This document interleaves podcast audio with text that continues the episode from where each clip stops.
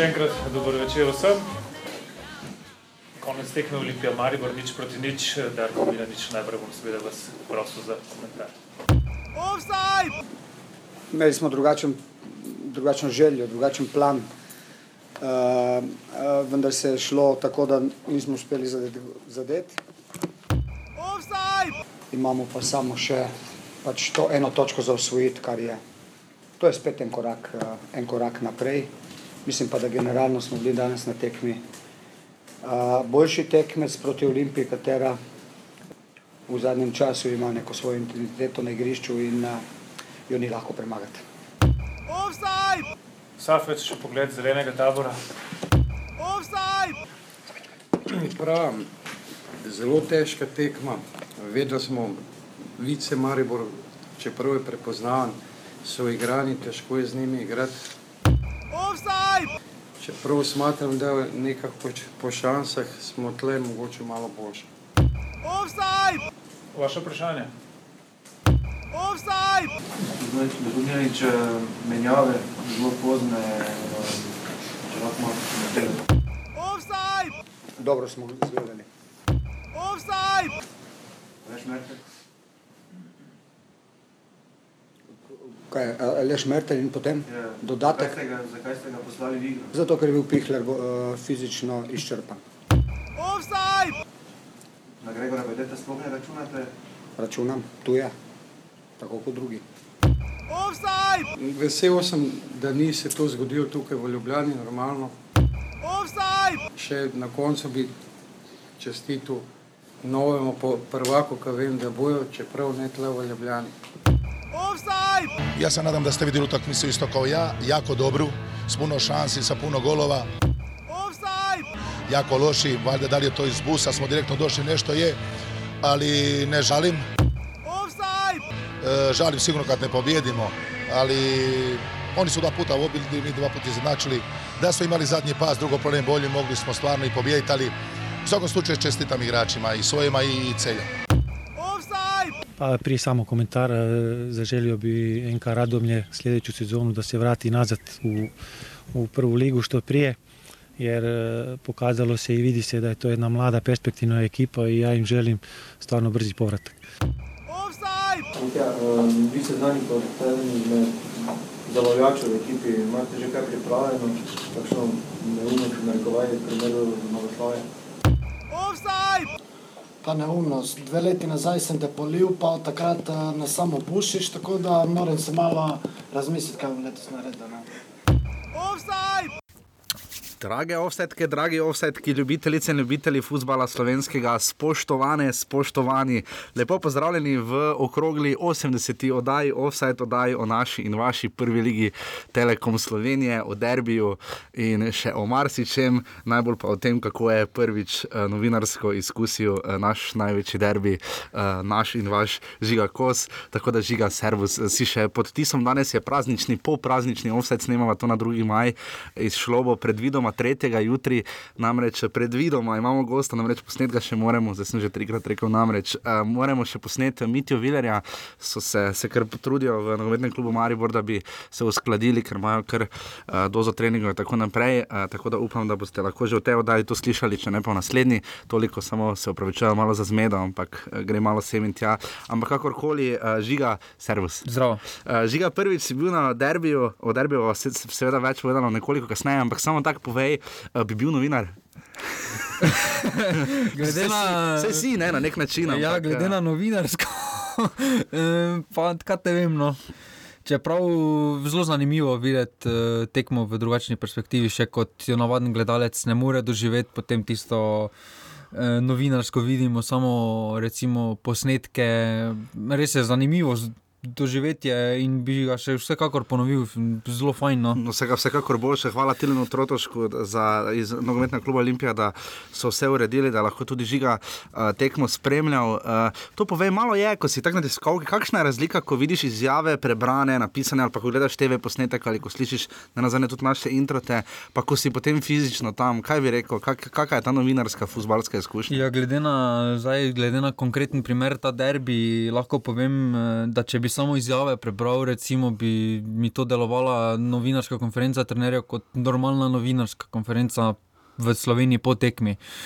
E, ko pa to doživiš v živo, pa vsekakor to ni bila. Vidi se, da imajo določeni akteri e, določene neke, ne vem, zadržke, zadržke napram drugim, tudi glede na vprašanja. E, pa tudi, če kdo postavi kakšno vprašanje, ko jim ni komu pogodu, recimo, je kakšen odziv, ki se ne, ki se ne spodobi za, takš, za takšne institucije, kot sta Marijo ali Olimpija. Si pa zdaj razumel, pa videl, zakaj potem, uh, tu je kolega Mitrovič tudi nekaj komentarjev na to temo, smo uh, kar malo podebatirali vmes med, med prihodom obeh igralcev, Nemanja Mitroviča in Aleksa Pihlerja po izjavah obeh trenerjev, ampak si zdaj videl, zakaj včasih uh, niti nima ne, smisla, vse smisel, seveda malo ja. novinarsko vprašanje je na nek način pod 17. narekovaj, seveda orodje in orožje, ki ga lahko novinarje uporabljamo, ampak si videl včasih, da, da pod narekovanjem nima smisla še kaj vprašati, ker tako ali tako vidiš, da ne boš kaj dosti izvlekel. Ja, točno to smisel ima za, samo za gledalce, ki jih to dejansko zanima, medtem ko pa se res počutiš glupega, ko dobiš eh, na povsem legitimno vprašanje takšne odgovore. Tako zelo trde, malo odrezave tudi. Ja. Bili smo v 31. krogu, uh, poslušate 80. oddajo Offside, offside uh, oddajo naši, vaši prvi Ligi Telekom Slovenije. Uh, poslušate nas lahko na SoundCloudu, na iTunesu, tam nam je za njih spet nekdo nekaj dopisal. Nam lahko v prejšnji oddaji sem se uh, izrazito pozabil zahvaliti izraziti podpori uh, Blažu, ki nas je tudi finančno podprl. Tako da Blaž, najlepša hvala, da bomo lahko, da nas to pelje naprej, uh, še na tekmo in da bomo še kam šli tako kot smo šli zdaj v Ljubljano na tekmo. Tako da, blaš, res iskreno hvala, ostali lahko to storite na urbani.si pošiljnica offside in bomo res zelo veseli na vsa vprašanja. Pa nam lahko pišete na offside.urbani.si oziroma na Facebooku, nekomu še moramo odgovoriti. Zadnjič uh, nismo še točno uh, uspeli odgovoriti, ampak še bomo Matjažu Gregoriču pa tudi uh, na njegove statistične predloge, ki jih bomo verjetno vključili v novi sezoni. Bili smo v 31. krogu, izrazito pestrem, vsi dvo, dvoboji, ki so nekako vsake. Vsak dvoboj je že bil sam po sebi, imel do, določeno težo, ampak so se pa zelo navezovali tekme eno na drugo. Uh, videli smo po dolgem času zamenjavo na dnu, uh, aluminije po ogromnih. Po sedmem krogu. Po mislim, sedmem krogu, ja, tretjič v sezoni, da ni uh, na, zadnjem, na, na, na predzadnjem mestu, po sedmem krogu, ja, ko so bili osmi in šestem, sedmi, so znovič na osmem mestu. Uh, ampak že v petek uh, je bila zelo pomembna tekma, ki je vplivala na tisto največjo sobotno. Uh, domžalčani uh, so kar lepo strli rudar, ampak tri nič je rezultat, ki pove eno zgodbo, uh, highlights in izjave povejo drugo. Um, nekoliko presenetljivo visok rezultat, eh, nekako vidimo delno tudi razpad sistema pri rudarju na nek način. Ki se tukaj ni znašel, uh, kot si je morda želel, čeprav vročina uh, priložnosti so bile daleč od tega, da jih ne bi bilo. Dajva najprej, uh, najprej reči domžale. Domžalčani so s to zmago prisilili Maribor, da, potrebo, da potrebuje pač več točk, oziroma da ena ni bila v soboto dovolj, da bi si zagotovil naslov. Misliš, je tu kakršna koli navezava, so tu domžale tudi nakazale malo dvoboj za drugo mesto, spet z Olimpijo, o čemer je tudi Nemanja Mitrovič govoril. Kaj, kaj, kaj ti pomeni ta relativno visoka zmaga domžale s 3 proti nič? Ja, tukaj vseeno domžale še igrajo za Evropo, vseeno si hočejo že pred finalom pokala zagotoviti vozovnico v Evropo. To pa s takšnimi zmagami, vsekakor bodo gladko dosegli, sedaj so že 9 točk eh, pred celjem, ki je na petem mestu, tako da so si, da, so si skoraj da že z eno nogo zagotovili preko lige tudi to vozovnico, tako da lahko bodo potem šli sproščeno v finale pokala. Je pa res, da na tej tekmi rezultat ne pove vsega dogajanja. Pač sedem žalčani so bili boljši. Res lep gol, repa se. Ja, tam je res. Eh, Solo akcija od vratnice. Tudi. Ja, pa tudi Franice dobro znajdejo uh -huh. na mhm. malem prostoru. Uh mhm. -huh. tam, eh, potem pa zadnji gol pa so. Evidentno, 11 metrov, ja, to je pa... naš veliki prijatelj Lenske Tazovič dobro odsodil, eh, ki se je v soboto družil na severni strani stožiškega, stožiške, stožiškega stadiona. Tako da kar je zdaj v domžalah, stabilna igra v zadnjih, tu gledam, v zadnjih petih krogih so bili štirikrat na drugem mestu, torej tečejo neki mrtvi tek tu z Olimpijo in jo prisilijo, da tudi sama kaj iztisne. Tako da uh, kaj reči tu, ne? zdaj še čez dva kroga se bosta domžaljen Olimpija neposredno pomerila. Uh, je tu po tvojem mestu, so domžalčani našli to konsolidacijo, je to ekipa, s katero bodo šli v Evropo, je to nekaj, na kar lahko resno računajo. Tudi prejšnji teden smo imeli Ivana Firerja, marsikaj povedal. Ne? Ja, tukaj so sedaj najdli neko določeno mero konstantnosti, ni res škoda za tiste začetke somladanskega dela, ko so štartali malo slabše. Ravno z rodarjem izgubili, ti Z remizirali, takrat, ja. potem Koper so doma izgubili. S temi točkami bi bili bliže Mariboru, tudi za prvo mesto, na, pa naslov še ne bi bil oddan, tako da je že skoraj da že zdaj. Uh Mhm. -huh. Tako da bi še bilo prvenstvo malo bolj zanimivo, vendar eh, glede na prejšnje te domžalske spomladi je ta spomlad. eh, Pomlad boljša precej. Relativno boljša, tukaj se vidi delo. Rožmana, potem tudi Javornik se je opravil slej vključil v to delo. Ja, videli smo, zdaj so ga tudi uradno bolj predstavili kot uh, člana strokovnega štaba. Uh, morda še to pri domžalah, eh, takrat morda, vsaj jaz sem malo nekaj rahlo jeze, saj je tudi sam povedal, takrat Rožman začutil, glede očitkov o tekmovalnosti, včasih preveč, včasih premalo. Zdaj se res kaže, domžale res kažejo res željo in boj za drugo mesto in tu jim lahko res samo čestitamo. Ne? Ja, tukaj eh, se jim zdaj že pozna, da ta ekipa malo postaja malo bolj izkušenejša. Sicer za tiste tekme, recimo v prejšnjem krogu proti Mariboru, še poznala malo neizkušenost, eh, vendar na takšnih tekmah pa pride že do izraza njihove izkušnje in predvsem kvaliteta, ki jo ta mlada ekipa vsekakor premore. Kaj pa reči o rudarju? Uh, rudar uh, je kar na nek način tukaj zdaj uh, izgubil dragocene točke in uh, glede na formu aluminija ne, in tudi krškega, ki vseeno tu in tam Ja. nabirata točke, če se bo rudar, ki je mimo grede moštvo z največ rumenimi kartoni v ligi, uh, če se bo tu rudar še kanček hecal, zna biti nekaj težavno. Uh, misliš, da se lahko rudar, rudar pade celo na, na, tak, do točke, da bi se bal za dodatne kvalifikacije? Ne? Ja, vsekakor eh, so vseeno štiri točke samo oddaljeni od tega devetega mesta, e, imajo tudi kar težek razpored še. E, Tako da nič ni odločeno tukaj, glede tudi rudar se bo pravil slej, glede na formo in aluminija, predvsem in tudi krškega, ki s to zadnjo tekmo pokazalo nekaj, e, se lahko rudar vsekakor pridruži temu, temu dvojcu. In... So pa v seriji treh porazov, ne? zgubili so s Koprom, Mariborom in zdaj še z Domžalami. Ja, pa zdaj jih še čaka Olimpija. tako Da... No, njihova redna stranka. Čeprav doma niso tako. Doma niso tako fejs kot v gosteh, tu absolutno. So pa imeli na tej tekmi Priložnosti, priložnosti. Prvem polčasu posebej vročina, uh -huh. dvakrat sicer ne prestreljamo daleč, potem še tisto, ko je že milic, že skoraj sedel. Skoraj pa vseda, ja. Je še nekaj gor potegnil, pa tudi meri tam z glavo, je bil dokaj blizu. Drugače pa se jim na tej tekmi, bi po mojem, več dosegli, tudi če bi bil, če imeli na razpolago mm, svojega prvega streljca glavino. Ja, zdi se tu nekako, da uh, rudar skuša zadetki, uh, ne na zadnje zabih 41, kar ni tako malo, ne? uh, daleč od tega, to je več golov, ko ste dosegli celje in koper, recimo pred njim, pa vsi tri pod njim. Uh, ampak rudar ne uspe uh, dati ne, te, to, to klasično logiko, da pač v futbalu zmagaš, če daš več golov od tekmeca. Ne? Tu imajo v obrambi številne težave. Ja, obramba jim vsekakor to je najšipkejši člen moštva. Tako da tukaj bojo res morali nekaj storiti. Čeprav vratarja ima enega izmed boljših v slovenski ligi, no pač na, za, za sredino lestvico Za sredino vsekakor. lestvice boljšega. ja. E, tako da tukaj ožja obramba bi res morali najti neko dolgoročno rešitev. Ne, še niso.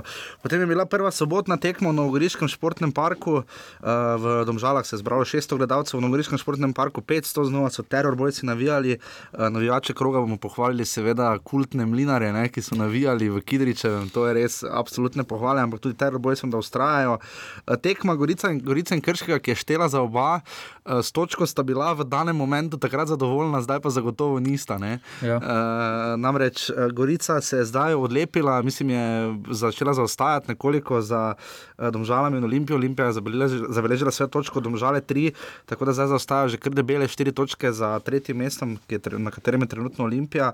Uh, tako da dajva se najprej malo pri domačinih. Uh, videli smo enega lepših bluperjev v Ligi Jogan in Kaučič, mislim, da ne. Ja. Sta res ponudila. Mislim, da je bil Kavčič tisti, Ja, čisti- zadnji pas, ki je dal. Ja, čisti zicer s peto, ne, sicer neka lepa peta je bila, ampak pač napačno smer. ne.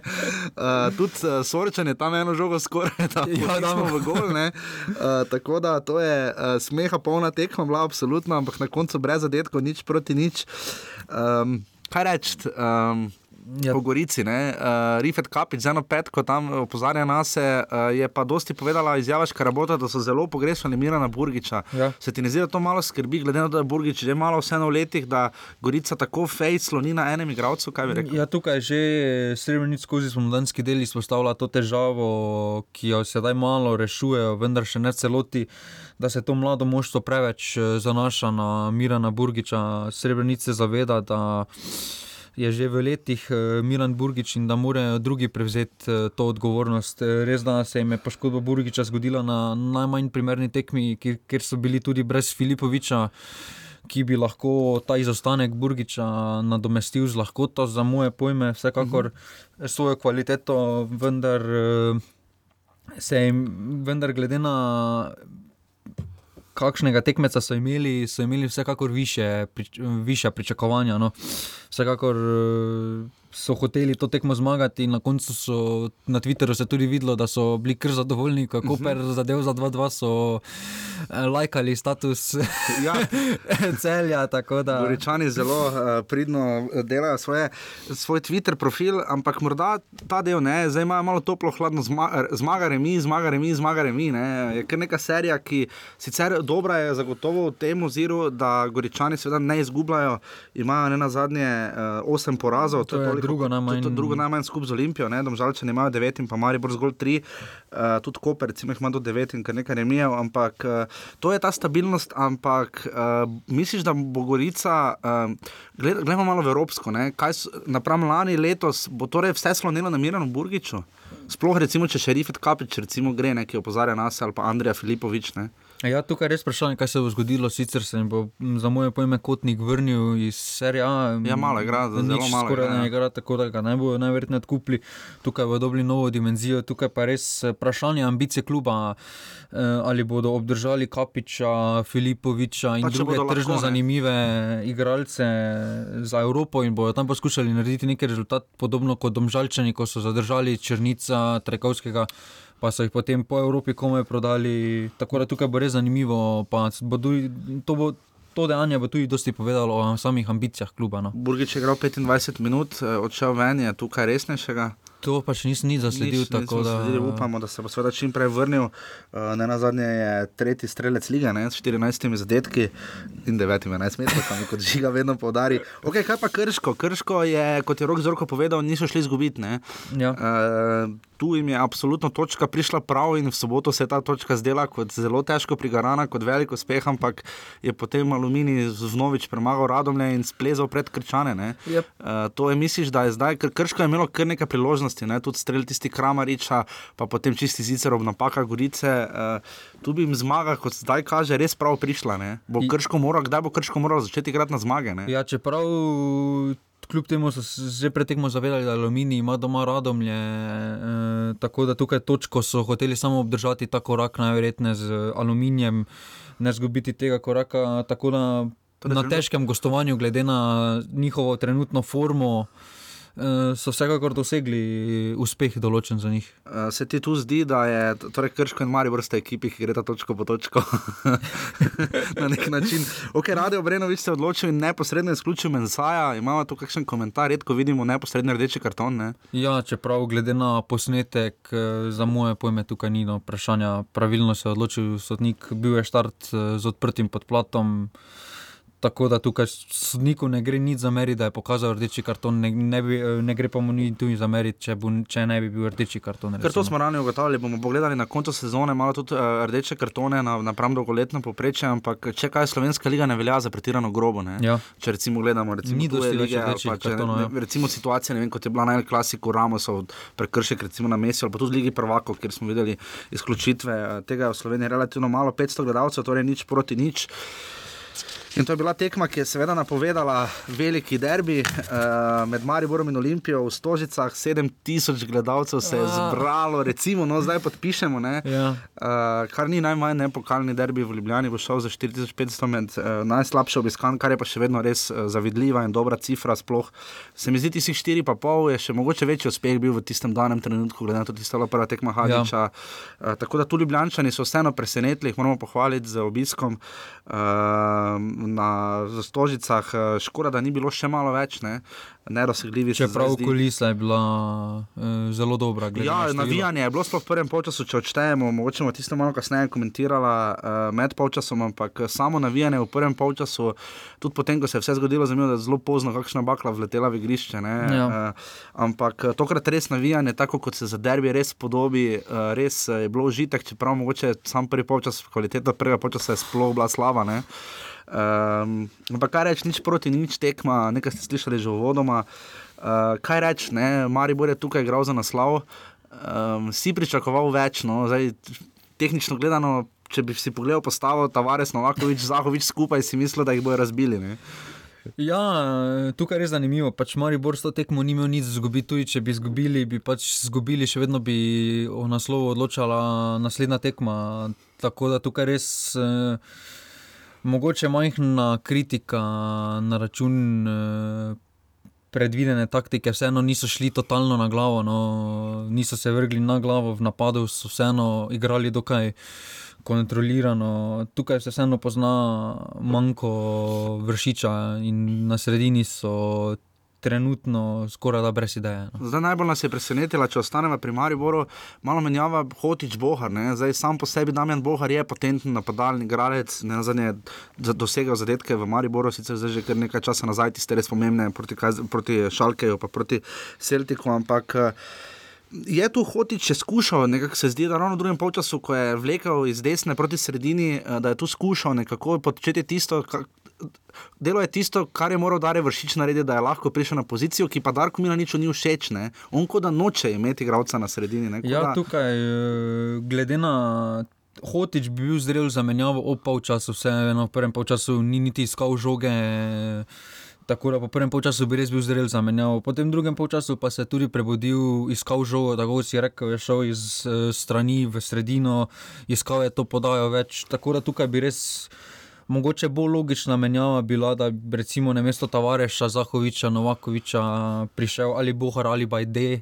Ja, ki so praktično nezamenljivi, kot ja. opažamo. Ne? Uh, kaj, tukaj, uh, kaj si tukaj opazil? Uh, malo smo gledali postavitev Maribora v napadu, to je zelo dišalo po 4-3-3 na, ja. na trenutke. Ko, tak, ko smo res gledali v liniji, se Tavares nikaj dosti vrača nazaj po žogo. Tokrat, ne. Ne, se je, je, se je ponujal, ampak predvsem manj, kot smo bili to vajeni, recimo na pokalnem derbiju. Ja, vsekakor tukaj je Tavares vseeno štal malo više, kot, kot si že omenil na pokalnem derbiju. Tako da.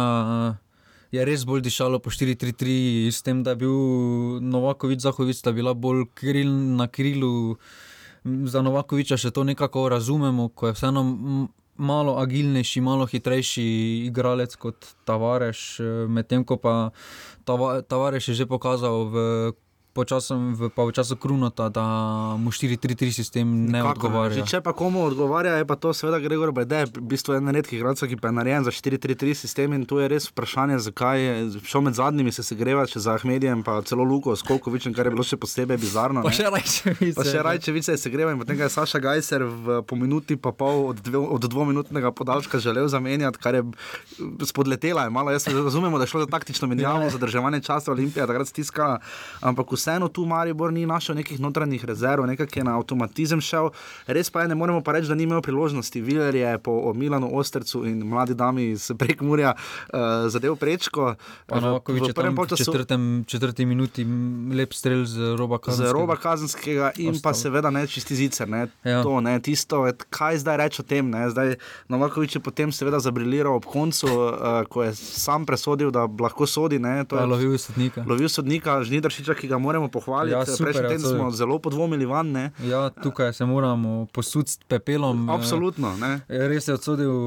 Mene je osebno presenetil z uh, stilom. Ja, stilom. Postavil si je neko uh, osebnost, ki jo je držal skozi celo tekmo, tudi kriterije držal skozi celo tekmo enak, tako da tukaj mu ni, ne gre nič za oporekati. Niti malo in tu res eh, tudi to, da je pokazal karton Novakoviču, kar, mar, kar nekateri sodniki ne upajo, celo Ja. Skomina, recimo ali Juk, ima da so s tem včasih težave, uh, ampak daleč od tega sodniki seveda tu nekega velikega vpliva absolutno niso imeli in smo lahko na tem dejstvu samo navdušeni. Ampak ja, Maribor ni dal svojega, ni izkoristil svoje priložnosti, dejstvo pa je, da podobno kot pri Olimpiji so bili najboljši oba štoperja in pa Golman. Ne. Ja, tukaj je Handanovič tudi- je tu reševal res, eh, kar se je reševati dalo. Uh, Olimpija je, Maribor, Maribor ne rad igra z Olimpijo pod Hadžičem. Ne. Ja, tukaj tudi Mariboru nerazumljivo je število prekrškov, samo 10 Mhm. na celi tekmi. Vseeno za takšno tekmo je to izjemno malo, to prikazuje, da nisi bil agresiven v duelih. eh, Res na trenutke se je želelo, kora, da si delovalo, kora, da si ne želijo igralci te zmage in potrditi naslova v Ljubljani. Za Milanič je rekel, da so si tudi pihlali, iz- izrazil nekaj Ja, žalovanja. vendar, ampak eh, nekaj so bolj- izjave, nekaj pa kaj prikazuje Kaj, realno, na, ja. na terenu. tako Ta da- del je kar malo se tu lovimo, ne? zdaj eh, bomo videli, kaj bo Maribor pokazal proti Gorici v soboto. Samo še eno točko potrebuje. Samo še eno točko potrebuje, ampak definitivno potrebuje pa malo boljšo igro, ker če se prevesiva k Olimpiji, ne, uh, Olimpija je potem začutila po tisti zapravljeni priložnosti Novakoviča, kot je Safet Hažič sam povedal. Uh, začutila svoje priložnosti in Maribor znova stisnila čisto v kot. Ne. To smo videli že na prvem pokalnem derbiju. Uh, do, dobro, čist druga taktika je potem bila recimo in na prvem spomladanskem derbiju še pod Elznerjem in pa uh, potem tista povratna tekma v ljudskem vrtu v pokalu. Ampak vseeno, uh, Olimpija je našla neke notranje moči. Edino, kar nas je res presenetilo, je nek, pod narekovaj steklenost igralcev. ne. Uh, Vodišek se je, je imel težave z mišico že na segrevanju, kot je povedal Hadžič, Kapun se je hitro poškodoval, ležali so Abbas, Eleke, Benko, ki je Eleke ja, tudi zrušil, Benko je tudi na težave z usnicami, mislim, da tudi Jurčevič je obležal, Mitrovič je na eni točki obležal, uh, Zarifovič je Zahovič. Klinar se je nekaj Klinar se je, prijemal- mislim, prijemal. res je, uh, misliš, da je to tempo, kondicija, uh, kaj bi sam rekel? No? Ja, glede te same kondicije je bilo že dosti povedanega. Na določenih trenutkih se jim deluje, kot da res nimajo dovolj kondicije, vendar v zadnjih 15 minutah so pa stisnili In pa Maribor. Mariboru so dali večino golov, oziroma eh, letos ja. Zago- zagodli zlasti v poznim, poznih trenutkih. Ja, tako da v Celju tukaj- so recimo dali gol na koncu. Ne? Ja, tako da tukaj v, zadnjih, eh, v zadnji četrtini tekme najdejo neke notranje rešitve, neke notranje dodatne moči. In to je razlika, recimo, odkar so stožice, ne, odkar je Nova Olimpija. Uh, včasih se je zdelo, da je Maribor potem ravno zabil Olimpiji. Ali pa je Olimpija prepozno štartala, zdaj pa se zdi, da ta timing gre. Je to bolj odvisno od Maribora, ali misliš, da je tu vendarle Olimpija imela nek koncept? Ne? Ja, Olimpija tekom same tekme je delovala, kot da se malo špara, pa vseeno so se postavili na svojo polovico in so čakali Maribor, vedeli so, da. eh, So, da se znajo postaviti na svojo polovico, potem pa da bodo njihove priložnosti že prišle skozi hitre prehode, in potem tudi na koncu jih je tudi malo publika ponesla, in so na koncu kar neki juriš uh, naredili na Mariborska vrata. Da, Kaj bi rekla na sredini? Vrnil se je uh, Daniel Miškič uh, po dolgem času. Prikazal je dokaj solidno. Tu sta s Krečem, kar solidno odigrala na sredini. Če že od vseh ukrepitev so nekako med tekmo ugotavljala, da mogoče še Abbas je nekak igralec, ki je najbolj, nekako najbolj izrazi neko željo, voljo, neko razliko naredi. Ja, neko prodornost edini uh -huh. prikazuje. Potem je tudi Elke se mi pridružil tem, s temi dueli ena na ena, uh -huh. oba dva si upata spustiti v te duele. Tako da, glede na to samo postavo, sta tudi edina dva posameznika v tej trenutni postavi, ki je igrala na derbiju, ki imata to določeno kvaliteto igre na ena na ena, ostali so. Ostali te kvalitete preprosto nimajo Na za igro. način, ne, ja. ja. Uh, torej, nič proti nič, kaj reči, Olimpija je stiskala na koncu, Benko ima dve sjajni priložnosti, ni imel svojega večera. Malo je težava pri Benku, ne, da Ja, mu hitro zmanjka energije, mu zmanjka pač. hitro. Ne, in tu, če bi Olimpija imela res.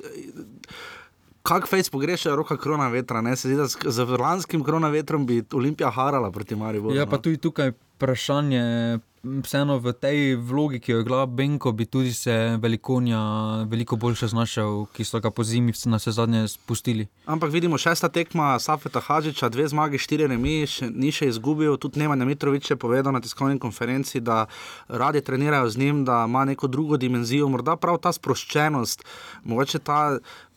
Ker nima nekih resnih karjernih ambicij z Olimpijo, ker je pač prišel od dela svoje bomo videli, ne se res ne obadamo, se trenutno res.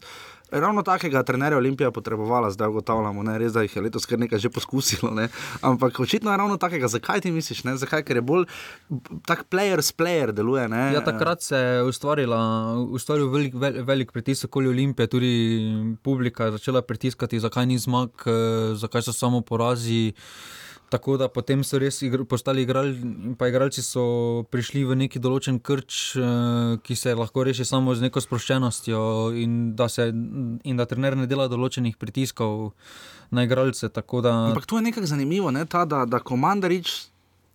Že prek Vija Stojiča ali pa tudi Vija Protega, se tu zdi, da, da, da Mandarič, ko zbere nekoga, nad katerim ni takšen pritisk, tudi Pušnikov prihod na začetku, Pušnik je imel, sicer so mu bile jasno, da ne vedene ambicije, ampak dokler je to laufalo, tako nekako samoumevno je šlo, recimo tudi Vanoli, ne, eh, s katerim so postali ne na zadnje prvaki in zdaj Hadžič, ne, s katerim so izločili Maribor, nekako tisto, kar se zdi plan B, je v bistvu njihov najboljši plan A. Ne. Ja, tukaj se mogoče res pozna to, da vsi ti trenerji, recimo Pušnik, eh, Elzner, so prišli s pompom v klub. Novinarska konferenca je bila res eh, napovedana v velikem slogu, kot da je prišel Mourinho v Slovenijo. Hadžič pa je prišel skozi stranska vrata, doben ga ni poznal dobro, igralcev, novinarske ne? konference ni bilo, tako da ni imel sam dobenega pritiska, tako da potem ni, ni, eh, ni nalagal dobenega pritiska na igralce. Torej, na svetu Milana Mandariča, dober trener ne potrebuje tiskovne konference o predstavitvi. Ali ena- potrebuje novinarsko konferenco, vendar ne v takšnem ja, pompu. Ne? okolju. Uh, tako, zdaj se pa bo, ker smo mi dobili potrditev, uh, tudi zdaj se pa bo razbrcal, smo zelo veseli. Uh, Eden in edini, uh, zvani Rulo, uh, levi bočni Maribora uh, in predtem še seveda drugih klubov, uh, tudi nekdanji reprezentant. Ne? Ja, Uh, nekaj časa je bil. ja. Nekaj časa je bil, uh, ki bo zagotovo vam čim več povedal o uh, Mariboru, o vzdušju, o letošnji sezoni na Pramlanski, mi da pa se potem vrnemo, morda še dava neko podpiševa derbi in pa seveda poveva o gol, najlepšem golu, ki smo ga videli v tem krogu, seveda, ker v Ljubljani ga nismo. Torej, zdaj bo brcal Mitja Viler Rulo.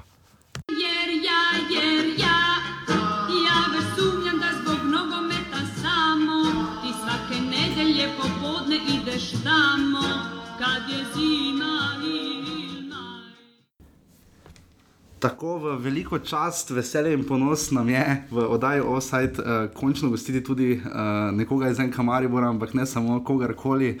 Uh, naša želja in tudi, kolikor vem, delno tudi vaša, je med drugim bil seveda tudi uh, član nogometnega kluba Maribor, ki je trenutno v številu nastopov deseti v zgodovini, uh, ima pet naslovov z Mariborom uh, in še enega s Koprom uh, in je tik pred pragom novega.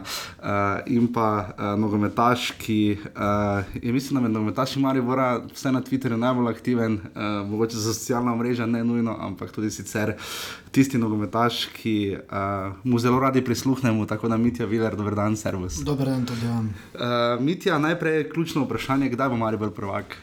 Če v soboto. ali bo to ob 8 ali pa ob 10, bomo vedeli. um, kaj je, um, kako je, kako je, ko gledate zdaj nazaj na derbi, uh, kaj bi rekli, kje je zmanjkalo tisto malo, ne? želja na eni strani, je bil tudi pritisk na nek način zmagati v Ljubljani? Pa neke določene pritiske bil, vsako tekmo imaš nek pritisk, predvsem zaradi renomeja kluba, kot smo mi. Sigurno smo hoteli zmagati v soboto, bi že rešili, ampak po tekmi ni bilo nekega prevelikega grenega prekusa. Dali smo, kar je bilo v tistem trenutku največ od nas, energija je bila dobra, tekma je bila vsaj za mene odlična, z Olimpijo lepo igrati vsak teden, če bi igrali, bi bilo dobro. In na koncu smo si lahko vsi pogledali v oči, nismo imeli nobenih zamere in se je slave preložilo za en teden, nič hudega. Zdi pa se, da bi vendarle, če bi recimo imeli voje tam zadev in bi zmagali, da bi vendarle eksplodirali na nek način, ohranite to mirnost, kontinuiteto iz tekme v tekmo. Ne, ampak vendarle se pozna, lani niste bili prvaki, verjetno je neka eksplozija, zadaj se načrtuje, je nekako pričakovano. Ja, ja, se načrtuje, ki zdaj, če pogledaš prej, je bilo meni tudi samoumevno, osvajam, sem osvojil šest naslovov zapored, pa treba biti realni, si nisem dal niti duška, po teh četrtem, petem si nisem dal duška, ker mi je bilo že nekako samoumevno, ampak letos tega res čakam, jaz in čaka tudi okolica, ker uh, se mi zdi, da ga nismo osvojili deset let, ne eno leto. Kje bi rekli, da se ta samoumenost najbolj pozna v vsakodnevni rutini, na tekmah, v odpiranju šampanjca, v dvigovanju lovorike? Šampanjca, pokal, niti ne vem, tako bom gledal svojega vidika. Sem rekel, naj se ostali slikajo, kaj, kaj se bom slikal, itek je naslov, ko bi se rekel, samoumneven, ampak zdaj, ko me vidiš, ko si gledal lani, kako je Olimpija slavila, pa ko gledaš druge ekipe, kako slavijo, še leti manjka v njih okus oziroma zmagovanja in vsak se veseli veseli lovorike in to je tener vedno reče. Ko boš končal kariero na Wikipediji, ti bo pisalo vsaka lovorika in na to treba biti ponosen. Dejansko na vaši ne piše koperski naslov, vse na angliški Wikipediji. Ja, dobro, Bomo, to, bo nekdo še to dal slejko prej. Ste gledali lani slavje, uh, tek, tisto zadnjo tekmo Olimpija Krka? Uh, Mislim, po smo posnetku, ne? istočasno, ampak um, enostavnost. Te stvari si pogledaš, glede, če odpreš televizijo, vidiš njihovo slavje. Treba tudi reči, da ne da so novinarji, ampak je bilo malo bolj ljubljansko krože, to je ljubljanski pop TV, RTV, to so ljubljani, jim je bliže zadelati in to je njim pasalo, da je po eni strani mogoče Olimpija prvak. Tako smo vsaj mi dobili občutek, da je dobro za slovenski futbol, oziroma da so hoteli novinarji nekateri, da Olimpija zmaga. In pol valjda je bilo to slavje, je kazalo, tako smo mi preslavili, ko gre komu na živce, tako smo mi lani gledali Olimpijo, ampak nič za to, to nas je mogoče dalo še neko večjo spodbudo. Zdaj, omenili ste že medije. So mediji morda tudi malo zlomili pritisk? Letos bi Olimpija, je veliko trenerjev omenjala. Se to kaj pozna, se to na vas v preteklosti, recimo, spomnimo se lige prvako, pride Astana. Kako gre ta medijski pritisk, tudi želja na nek način javnosti? Ne? Pa To so, to so te igrice, ki morajo biti. Ne? Novinari delajo svoj posel, mi moramo delati in v današnjem svetu moraš biti pripravljen na vse- pastiče. Poglejmo tudi evropski, hočemo igrati evropski nogomet, tudi tam je toliko pasti, noben ima mira z novinarji. In sigurno tudi za Slovenijo oziroma ljudje radi vidijo, da je zanimivo, da ne zmaguje samo Maribor. To mi tu trpimo, ampak drugi ljudje pa v vsakem svetu hočeš nekaj zanimivega. In ko je Maribor zmagoval, verjetno ljudem ni bilo zanimivo in so pumpali, da bi se zgodilo nekaj tisto drugega, kar je naredilo zanimivost lige. Ampak mogoče ta brca je bila dobra za nas in jaz mislim, da je bila dobra brca za nas. Ste brali intervju z Agimom Ibra- Ibrahimijem, to je bila ena od teh zgodb, ne, ki je lani tako izrazito bila ne, v, v spredju. Ne. Mislim, da je prišel v medije dva dni nazaj, oziroma da to sem prebral, ampak mm, več je bilo črnega kot belega, bom rekel. Eh, Kako, kaj bi rekli, zakaj bo Maribor letos prvak napram temu, da lani ni bil? Kaj se je letos spremenilo? Kaj se je letos spremenilo? Pa mogoče smo se bolj združili, oziroma ne, ne, ne, ne bi našel, to sezona je dolga, se zgodijo vzponi in paci, ampak smo bili bolj prepričani, oziroma so nam, uh, vsaj tle v upravi prvega dne, oziroma trenerji so nas, ne bom rekel z neko palco, ampak non-stop od prvega kola ne smeš izgubiti pritisk, oziroma pritisk, uh, stik držati. Takrat, ko smo igrali Evropo, smo vedno izgubili stik in smo vedno nadoknadili, ampak to se ne bo vedno zgodilo. Letos smo probali biti blizu, čeprav smo imeli na začetku veliko težav in noben si ni hotel dovoliti, to smo se pogovarjali, igravci. Ne smemo se dovoliti lanske sezone, ker vemo, kaj so se dogajale, ni bilo prijetno in to nam je nekaj bilo tle v šesu, ti je non-stop cingljalo, ne sme se zgoditi tisto, kar je bilo lani in mislim, da te to naredi močnejšega oziroma nas je namr. Je to nekaj, kar se zgodi samo enkrat, imate zdaj nek recept, kako se to več sploh ne more ponoviti? Jaz upam, da se taki dogodki ne bo več zgodili, ker eh, za nobenega ni prijetno in je res grozno v tistem trenutku, ampak spet je to ena šola, življenje niso samo lepe stvari, so dobre in slabe in mi smo to doživeli, ker jaz moram biti realen, odkar sem bil v Mariboru, je šla stvar vse samo gor, gor, gor, ni bilo nikoli nobene napake. In pol pa je prišla do ene situacije in smo videli, kako je mesto reagiralo, še en dokaz, kako čuti ta nogomet, ni bilo pravilno, ampak tako je bilo. Ne. Ste bili presenečeni, mislim, kakšna je razlika, ko ste takrat prišli v Maribor, govorili ste šlo je gor, gor, gor. Kak, kak ste vi v navezavi z mestom? Ne? Nekako vas, mesto vas je verjetno dobro sprejelo, ne? tukaj se verjetno v redu počutite. počutim se v redu, zato ker igram, da delam tisto stvar, kar imam najrajši, delam v tiste klubu, ki je najboljši v Sloveniji, oziroma tudi na teh prostorih je med boljšimi. In človek se tle počuti, bom rekel, evropsko, imam vse. Moram razmišljati samo o nogometu, tako da je privilegij to biti, ker vem, da vsak fant, ki je zdaj tle na ulici, bi rad bil na mojem mestu in jaz to mesto moram držati. In ko smo pri tem mestu, kako ste se počutili, ko je Zlatko Zahovič na začetku, smo pred začetkom spomladanskega dela, v začetku priprav, ko smo spraševali, ne odšel je Erik Janža, daleč od tega, da vam ne bi nihče zaupal, ampak potem so bili vprašanja o Lukiju Skokoviču in tako naprej. Kako ste vi razumeli izjavo Zlatka Zahoviča, ki je rekel, Mitja Viler je naša ukrepitev? Ne? Ma, mislim. Je bil to pritisk? Je... Pa ne pritisk, jaz sem od eh, športnega direktorja, imam vedno zaupanje, oziroma imamo profesionalen odnos, kot me vsi.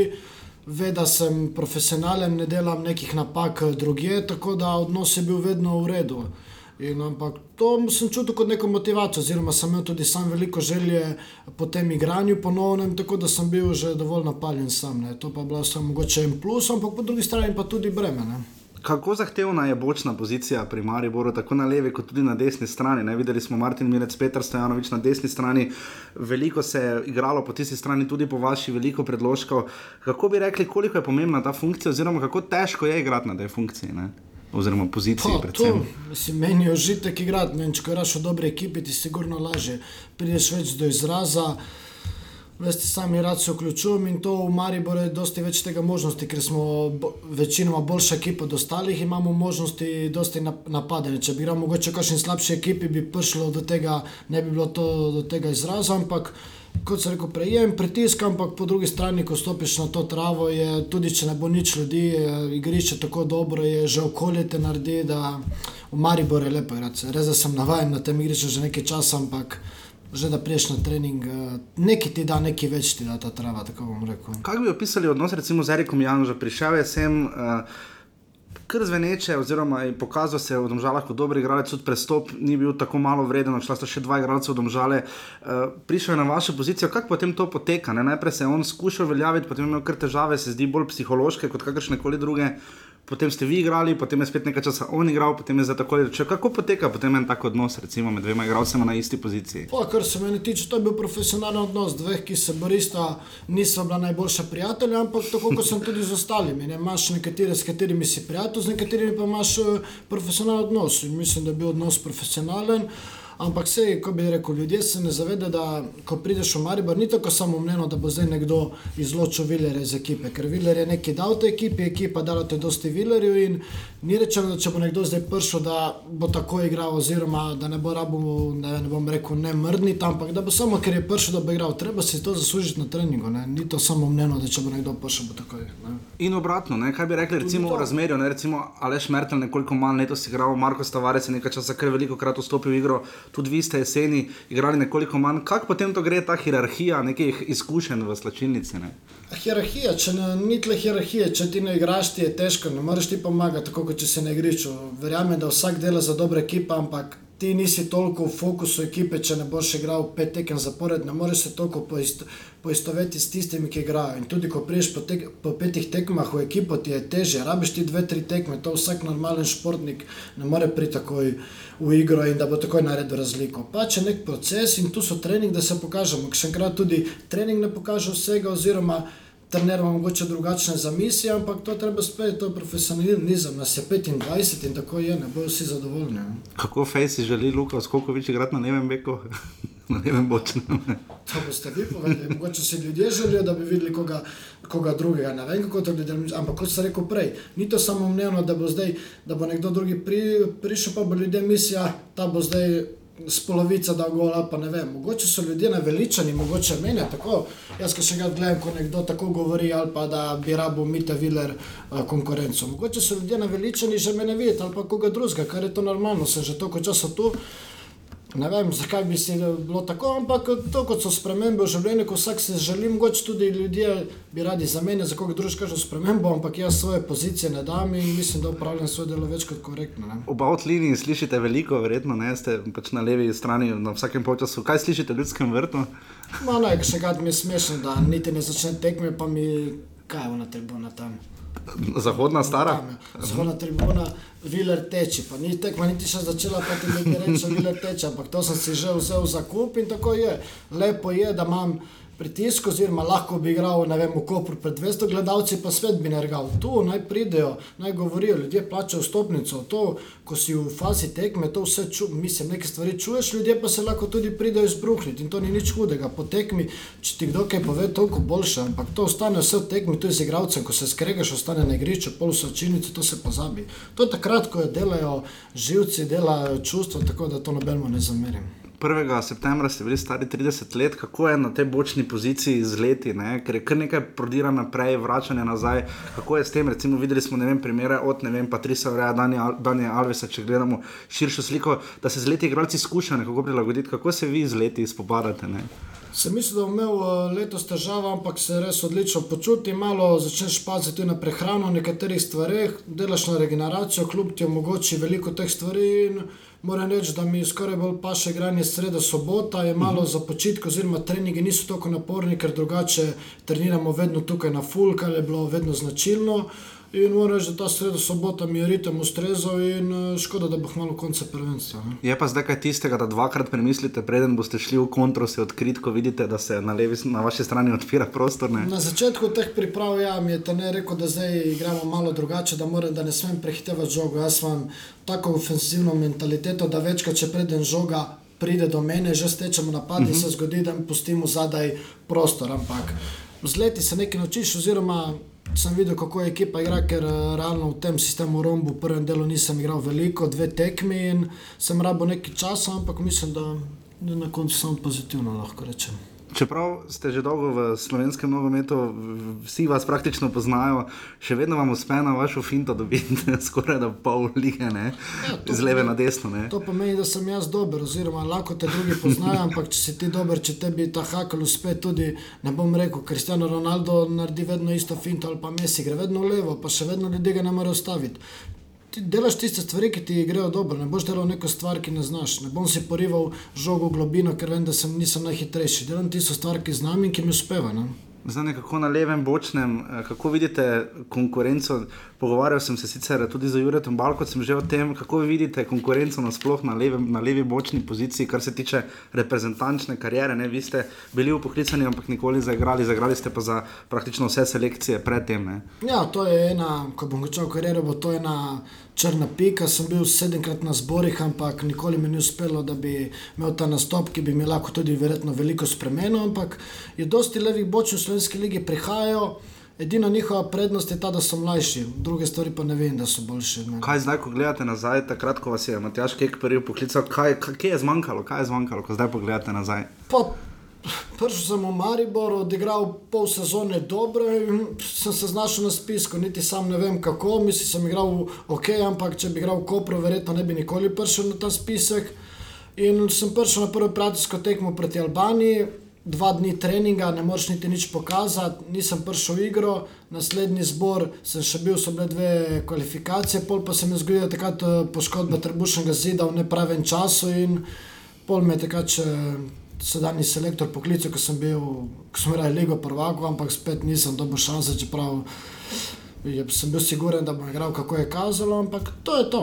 Zdaj, roko koronaveter je dokazal, da se da tudi pri kasnejših letih priti v reprezentanco. Eh, kako vi razumete, zdaj se tudi skopra da tudi z bočne pozicije ja. priti v reprezentanco? Kako vidite te kalkulacije, oziroma nasploh, kako pride do reprezentance? Ne? A pride do reprezentance, tvoje je, da odigraš dobro, lahko te bo kdo poguril, lahko te bo selektor videl, lahko pa te ne. Konkurenca je velika in ono ve, kateri profili igralcev so mu všeč. Vidimo, da išče mlade, hitre, agresivne, ampak tako je današnji nogomet. Jaz se tudi po najboljših močeh, mogoče se bo še kdaj kaj zgodilo. Kako se počutite, ko gledate tekme slovenske reprezentance? Se vidite sami, kako je zdaj napisano. Škoda mi je za Slovenijo, zato ker je leto 2016 izpeljali vrhunsko, mogoče bila res ta pauza med temi tekmami nam ni ustrezala in smo prišli na Škotsko, ker eh, imamo res slab skor. Ampak na koncu, če pogledamo, si nismo zaslužili več, ker eh, je bila slaba tekma z naše strani ta gol mogoče je prišel pozno, ker bi lahko na koncu izvekli piko, čeprav se tega nismo zaslužili. Rekli ste, da sami kaj napišete. Ni še tako običajna ustaljena praksa, recimo kot tujini, vsaj kar se Twitterja tiče, tudi nasploh ocenjevanje oziroma podajanje mnen. Vi ste tu malo bolj odprti. Kako to, da ste se odločili za recimo Twitter račun, za nasploh, da kaj poveste? Prijatelj, prijatelj mi je svetoval, glede na to, da takrat, ko smo bili v Ligi prvako, rekel, da naj se odprem ta Twitter, sem rekel, ne morem zdaj kar sredi nečesa odpirati, eh, ker smo bili so sezoni, vse bom počakal malo, zaradi tako enega vraževerja, bo sem rekel, uh mhm. -huh. počakal novo sezono, pa bom začel s tem Twitterjem, da vidim, lahko ti komentiraš, ampak ne morem jaz komentirati stvari, v kateri se mene tiče, oziroma slovenske lige. Čim na to stvar ne morem komentirati, oziroma sam sebi sem se rekel, da ne bom to stvar komentiral, ki te, te zadane kot bumerang. Lahko mogoče komentiram tako za zajbance, kakšno Evropsko ligo, ko se kaj dogaja in to je to. Malo spremljaš stvari, pogledaš si na tekoče, na mestu, da odpiram vse medije, si je dovolj, da si na Twitterju, pa vidiš vse stvari, ki se dogajajo v svetu športa in drugih. Ne. Pa nasploh sami, ne, se vam zdaj zdi, da pride dovolj do izraza to, kar želijo trenerji ali pa sami igralci, kar želite povedati. Je ta medijski prostor eh, v Sloveniji, kakšen se vam zdi, konkretno nogometni, ne? ker smo imeli zdaj res kar nekaj zgodb od Ibrahima do bioenergetiko pri reprezentanci. Tega je kar precej, kak se vam tu zdi ta medijski prostor. Recimo tu, tu so strokovni komentatorji, funkcija, na kateri bi vas verjetno kakšen urednik že zdaj rad videl. Tako, tako, to, to mi je, tako pogledam, eh, ker sem doma iz, mislim, ne bom rekel iz Italije, iz No, ampak, bil sem zdaj ja. doma in prav sem videl, kako ljudje tam strokovni komentarji, tam je strokovno komentiranje na nekem vrhunskem nivoju, na neki nivoju so cenjeni. Tu v Sloveniji pa strokovni komentar, to se mi ne zdi, da ni cenjen, ne, ne glede na to, kdo je. Če Ante Šimunža. Moram pohvaliti mojega bivšega trenerja, prava poživitev za RTV, verjetno si sam ne želite vloge, bi rad že, želel še vedno trenirati, ampak glede na tiste, ne, ki so bili prej, on ena velika poživitev in za me samo pozitivno, da se pojavi v tej vlogi, ker je pokazal nogomet spet na način, da ga zelo dobro razume. Lahko igralci poveste vedno, kar želite, oziroma kar, ne, ne zdaj ravno, kar vam pade na pamet, ampak tisto, kar vas stare. Zdaj, en primer je od Ibrahima, ki je sicer res skrajen. Kako se vam zdi to komunikacija z javnostjo? Recimo, sploh lani se zdi, ko, ko se zdi, da bi bilo fajn, če bi še kaj drugega slišali. Ne? Mene je že dosti krat udarilo po glavi, kar sem Maribor, sem povedal že marsikatero pikro, brez da bi trikrat razmislil, te mogoče v tistem trenutku te malo rečeš, joj, vedno ti lahko nekdo vrže. Ni tako, da v našem svetu vsak lahko kaj zatipka, vsak lahko kaj napiše. Danes lahko vsak, eh, nekdo se prijavi, ne vem, pinko pa linko, pa ti komentira, pa ti ne vem, reče kaj. Dej, povej mi tle v faco, pa bom sprejel vsako kritiko. Pa ti kdo tako napiše, nekaj brez veze, ne bom rekel, zato moraš paziti. Vsaj jaz moram še enkrat paziti, ker še vedno sem profesionalec, še vedno igram za Maribor in nikoli ne veš, kaj se lahko zgodi. Bi rekli, da imate kakšno štajersko lasnost? Od, ker ste že nekaj let. Ne vem, odkri, direktnost, neposrednost, ampak najbrž je to bolj eh, stvar človeškega karakterja. Ne? ja, če to mislim, mislim Če so vam svoji igralci rekli, ali kdo, recimo, ko greste na obalo, domov na obizu, da se, aha, mi ti zdaj pa. Ne, ne, ne rečem mi, da, da nisem. Se čutiš, to je sam, da na glasa sploh nisem imel, da rekel, da kako nisem nič dobo, tako pa čekaj, držim ta svoj, mislim, ne ne hoče, ampak mi ni ta, ta vaš jezik, mi ni bil najbolj pri srcu, tako neki z, ču, meni čudni izrazi, tako ko so verjetno moji koperski te izrazi, ampak vemo, kaj je, zaradi česa sem tu in tega se držim. Ne?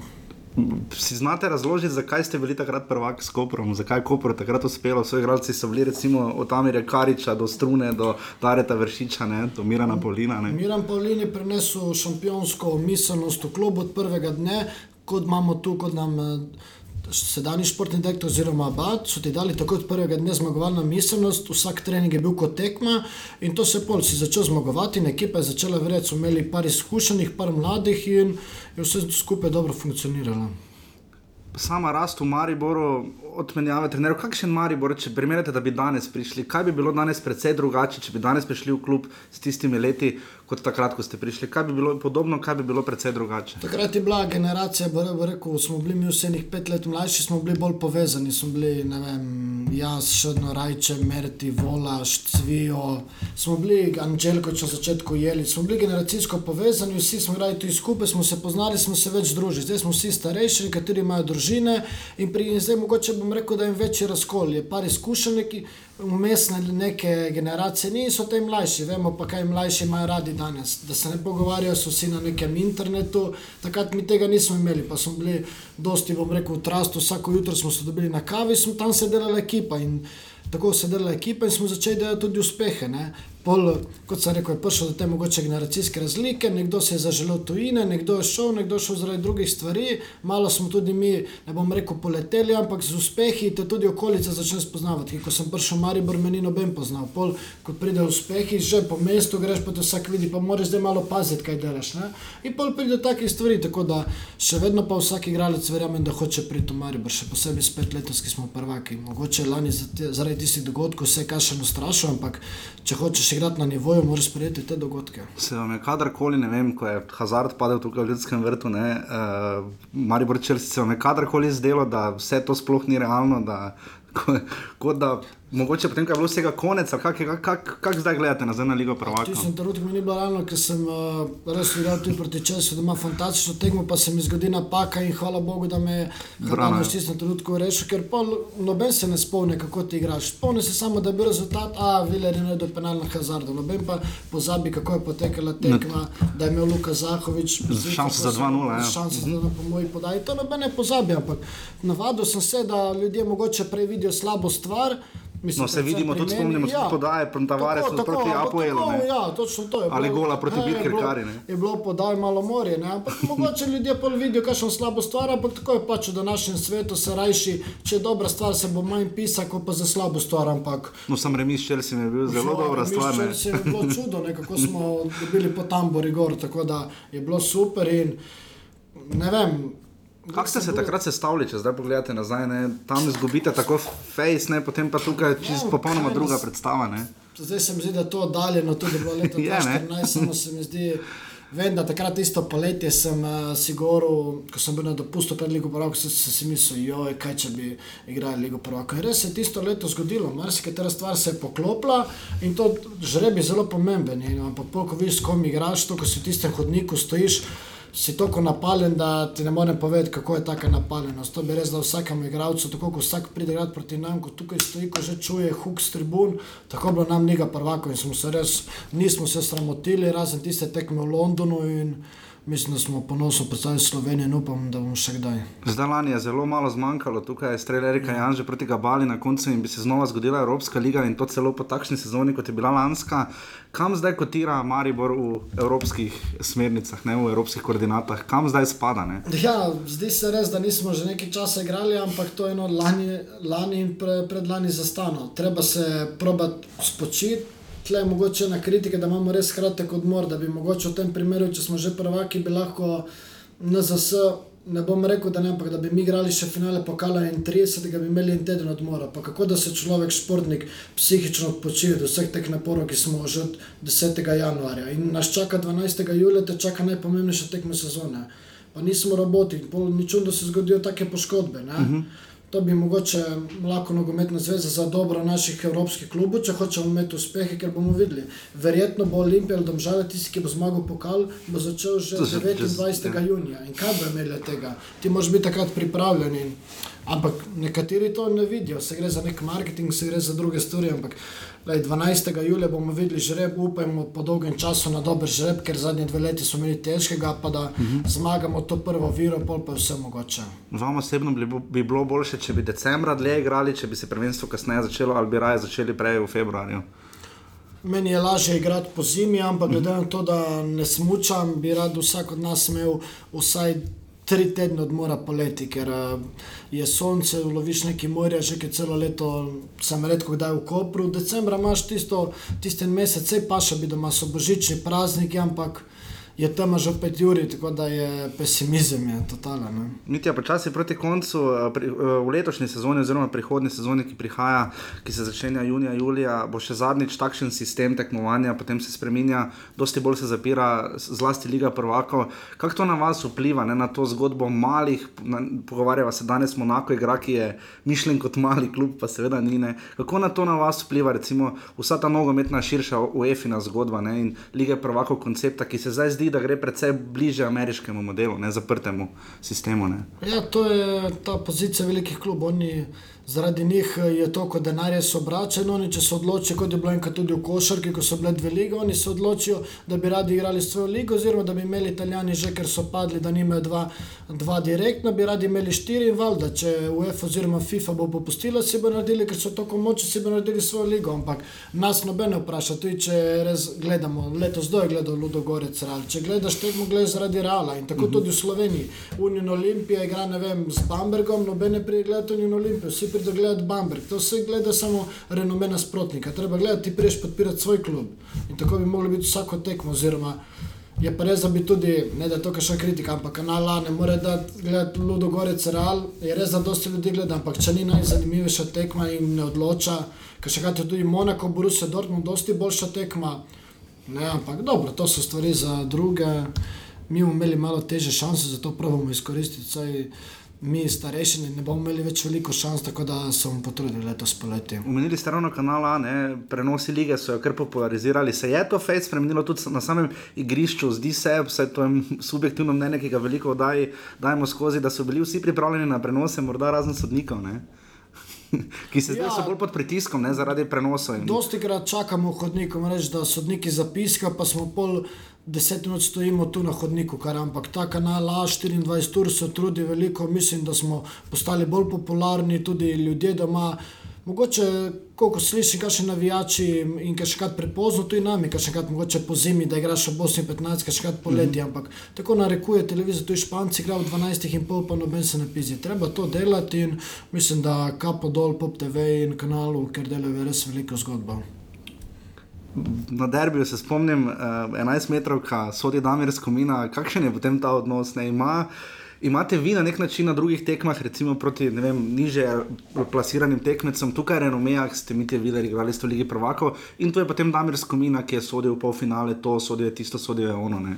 Kako gre potem ta komunikacija, ker tam ja, se zdi, je bilo kar ostro. Ne. Bom povedal zdaj eno anekdoto, ali ste tekme. Ne. Po tekmi v Kopru sem jaz dal enemu otroku dres, ne, ko smo mhm. igrali 2-2 bilo s Koprom. Potem smo igrali z Olimpijo čez tri dni čisti penal, oziroma Favel je bil, ne vem, kje je bil. Sem rekel na koncu tekme s komunistom, rekel, je bil Favel, rekel, ma ne morem ti to piskati. In pol mi reče, hvala, ker si dal mojemu otroku dresu Kopro. Sem si mislil, ja, ne. Jaz sem mislil, da ga zviza pri sebi, pa lahko bi vsaj penal piskal, ampak če on v tiste trenutke ga ni videl, ampak mogoče res tri leta nazaj me je tudi proti celju, tako kot so na Ligi Prvako, me je izključil v 40 minut, ker sem kao simuliral. Imam res neroden padec, to vem, nisem Amerikarič, ki je znal dobro past. Ampak, se da dobro past, to se da naučiti. Mislim, jaz sem tako nerodno padel, to vem sam. Tudi v Kopru je bil Favel nad mano, ampak zgleda, verjetno sodnik zaradi. Ne vem, kako bi se temu izrazil.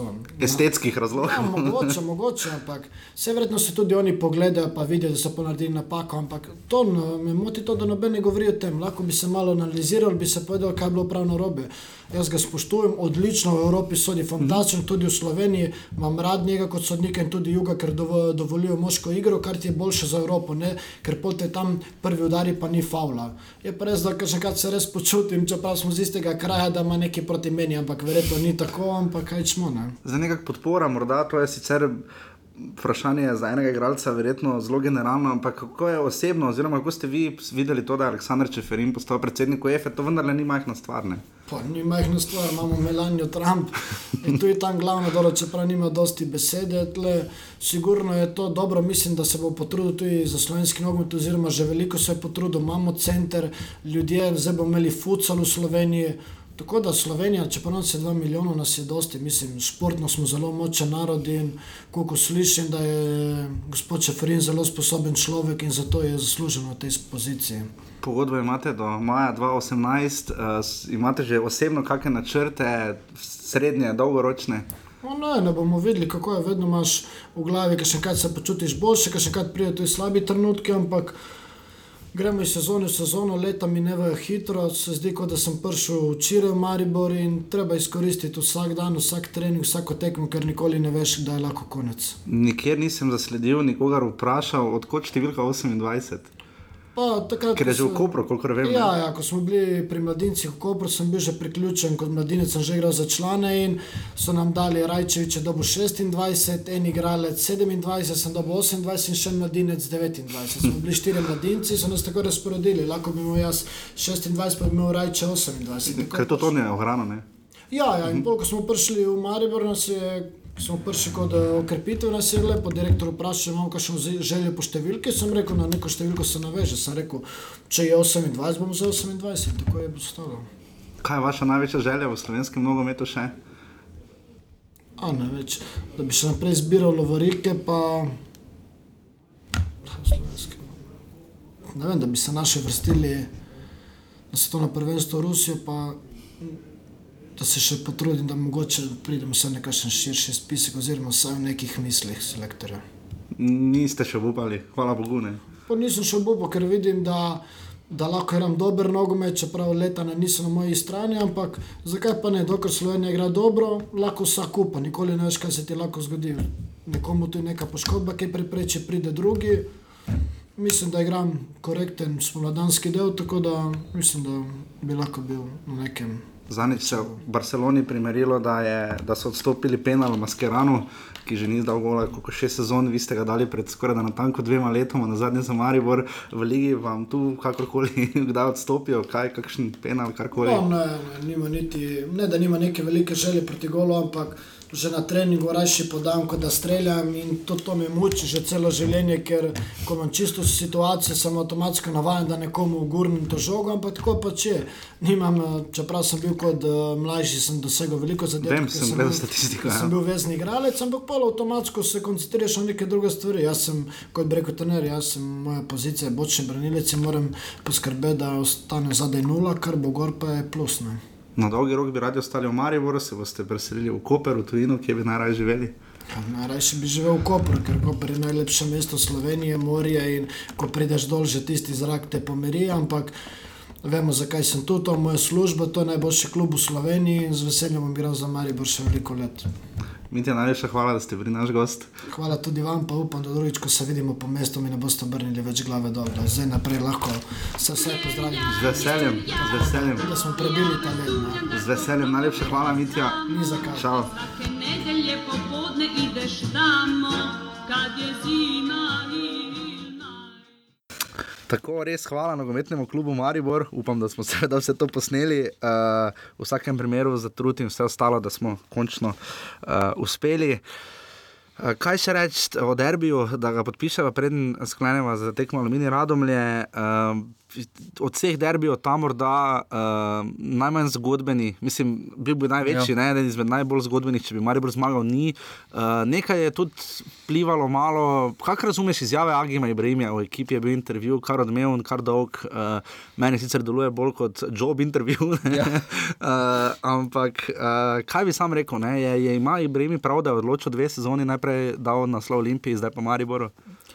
Pa v določeni meri ima prav, vendar za lanske težave Maribora ni bil kriv samo on, so bili tudi drugi krivi in za letošnje probleme Olimpije.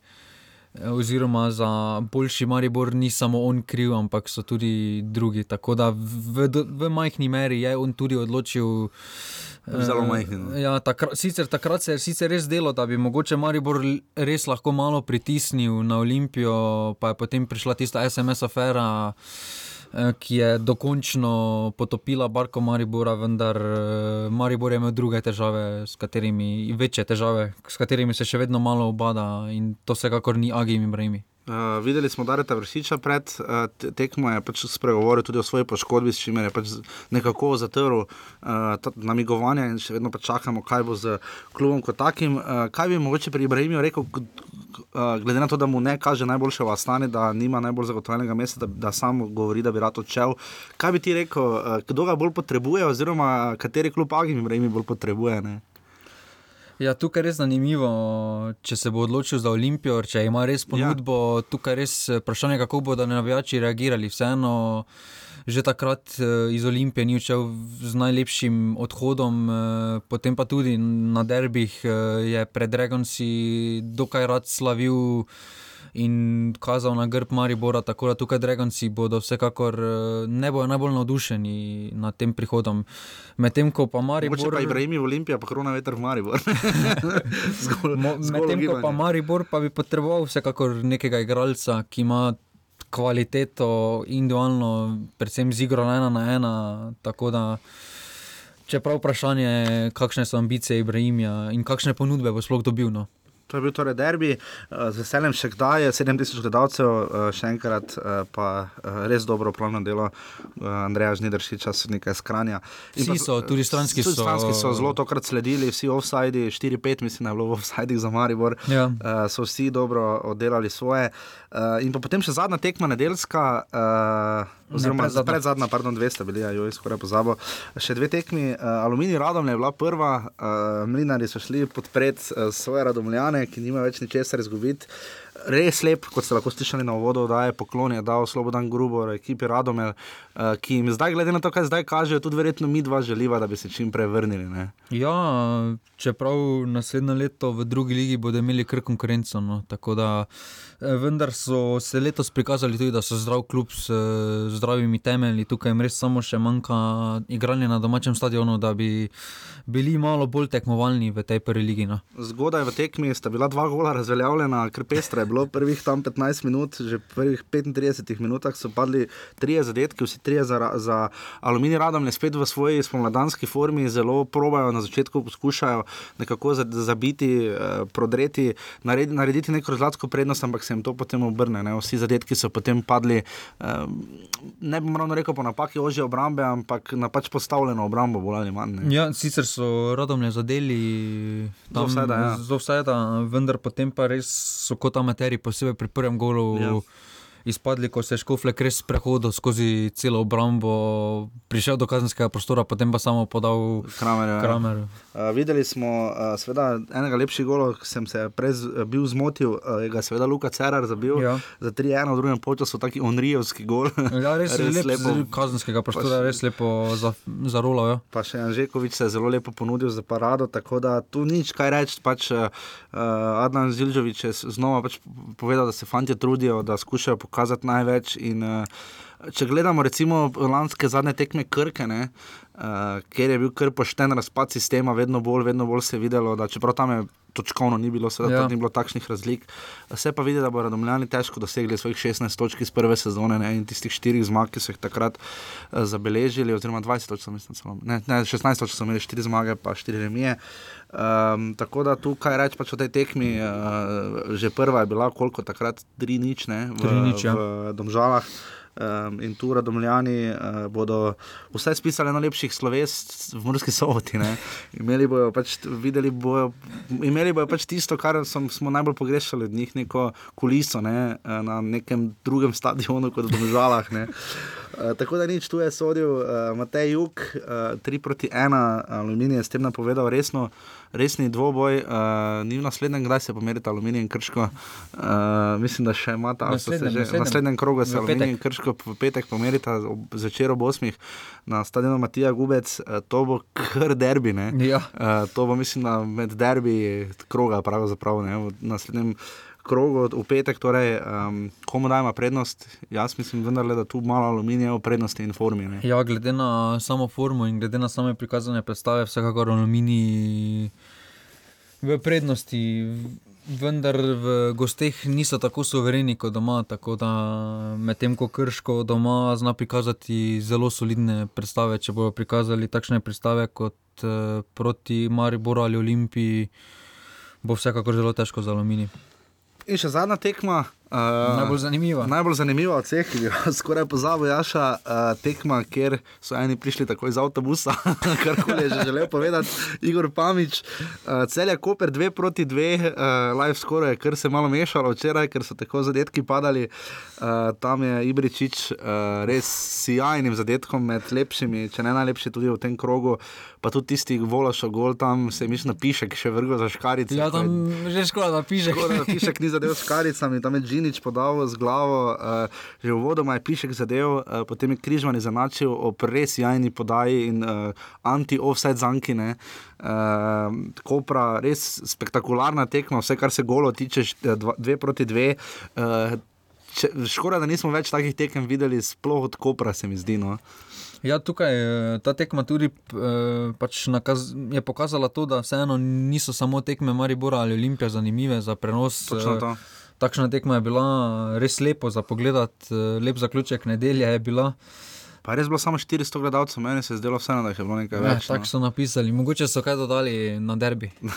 ja, uh, v vsakem primeru. Uh, Smo rekli prejšnji teden, da točka ne bo koristila nobenemu, tehnično gledano, tu je Igor Jevičevič, je bil zadovoljen. Je bil zadovoljen, je rekel pač, da smo zdaj pač uh, štiri točke do Gorice in pa pač tri točke nad Koprom ampak eh, težko je zdaj verjeti po prikazanem, da bi vendarle celjani iz petega mesta splezali više. Ne? Ja, to, eh, s to zmago bi se vseeno približali Gorici na dve točki, glede na sobotni razplet. Tako da tukaj celja, cel je res zamudilo. Lepo Veliko priložnost, priložnost, priložnost za priključitev v top 4. No. Za željo so celjani tu pokazali, sploh Vola še bil znova izjemno razpoložen. Uh, in nasploh tudi uh, pač vse to, kar smo videli od celja, tudi priložnosti ni manjkalo. Uh, ampak kaj zdaj, imajo tu v obrambi težave, ne? ker vendarle. Oba zadetka sta bila, ne bi se lahko boljše posredovalo, mislim, da to bi se lahko pri vsakem, lahko je zdaj biti pameten, ampak uh, sploh sprehod Ibričiča. Uh, ja, pa pri prvem zadetku tudi tam je. Tam je obramba res slabo postavila offset zanko in še bolje je bilo to, da je Krizmo imel kar nekaj časa, ko si je žogo štopal, ja. uh, da je žogo spravil mimo uh, Rozmana. Um, kaj tu reče o celju, ne? vendarle bo ogrodje ekipe, primerjava celje in Koper, ne? ki sta tu peti in šesti na lesici. Uh, kdo potrebuje? Potrebuje večjo konsolidacijo, kdo, kdo potrebuje mirnejše poletje. Zdaj, pri Koperu smo bili navajeni, da so kar predvsem menjavali, ampak tu celje ima tu lastniško zgodbo. Ne? Ja, tukaj obojni nosi sicer potrebuje zelo mirno poletje, da se, ekip, da se obe ekipi lahko uigrata. Dobita svoj čas, obe dve ekipi imata kvaliteto, Tukaj, Predvsem individualna kvaliteta ja, imata. Ne? Tukaj res celje se je v začetku prvenstva spomladanskega pokazalo z nekimi lepimi individualnimi akcijami, s ekipnimi akcijami. Uh mhm. -huh. Ko prečane tu vidimo, tudi park se je zelo trudil. Uh, videli smo ekvatorijalno Gvinejo, tudi v tem krogu, uh, vse živo igra uh, v slovenski ligi. Hvala Bogu, mislim, vse živo, mišljeno, da se trudijo očitno skauti najti pač igralce, uh, ki lahko ukrepijo zlasti napad. Ne? Ampak tu se vseeno vidi, da je Dalibor Vola še vedno sposoben sposoben eh, parirati uh, tudi predvsem mlajšim od sebe. Ne? Ja, uh, tukaj volaš vseeno ima izkušnje in tudi kvaliteto za. Celje in tudi mogoče kaj malo više za slovenske lige, mogoče tudi celo za tujino, vendar se je v celju vse dobro znašel, prišel je dokaj pozno, ni v celje, vseeno je pa že zadev 12 zadetkov v celotnem prvenstvu, ja. kar ni malo. Ne. 16 strelov so imeli celjani, skupaj 11 koprečani, uh, res pestra tekma, nikaj. Uh, in Igor Pamič je vedno bolj zadovoljen. Uh, ja. To... Kako bo še le zadovoljen po celih poletnih pripravah?